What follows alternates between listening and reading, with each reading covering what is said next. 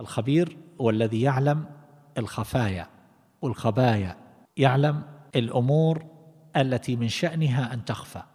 فإذا علم العبد هذا وآمن به وأيقن واستحضره بقلبه فإنه لا يجترئ على معصيته ويستحي من الله حق الحياء ولا يضمر في قلبه إلا ما يرضاه الله عز وجل ويحبه لأن الله مطلع على حركات هذه القلوب وإراداتها وما تنطوي عليه من العقائد والمقاصد وما إلى ذلك من سائر الأعمال القلبية حسد البغضاء المحبة التوكل الخوف والرجاء الصبر والرضا وغير ذلك كله الله مطلع عليه. إن الله كان بما تعملون خبيرا.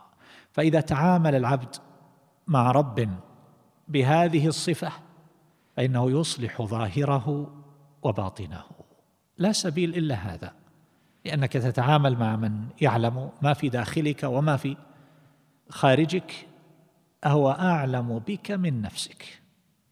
قد يخفى على الإنسان ويلتبس عليه ويختلط بعض الإرادات والأعمال وتلتبس هل هذا لله أو ليس لله؟ هل هذا يضر في الإخلاص أو لا يضر؟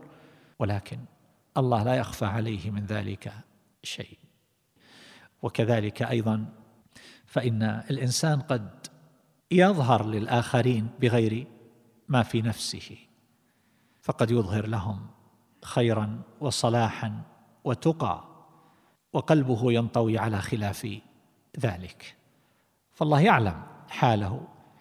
في عبادته وفي خارج عبادته. هذه العبادة كيف يؤديها؟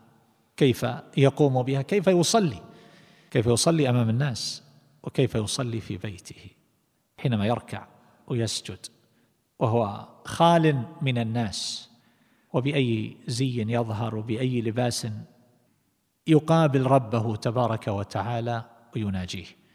كل هذا الله مطلع عليه. فيكون العبد في حال من الاستحضار والخشية والخوف والرجاء والإنابة والحياء أعظم مما يكون بحضرة الناس.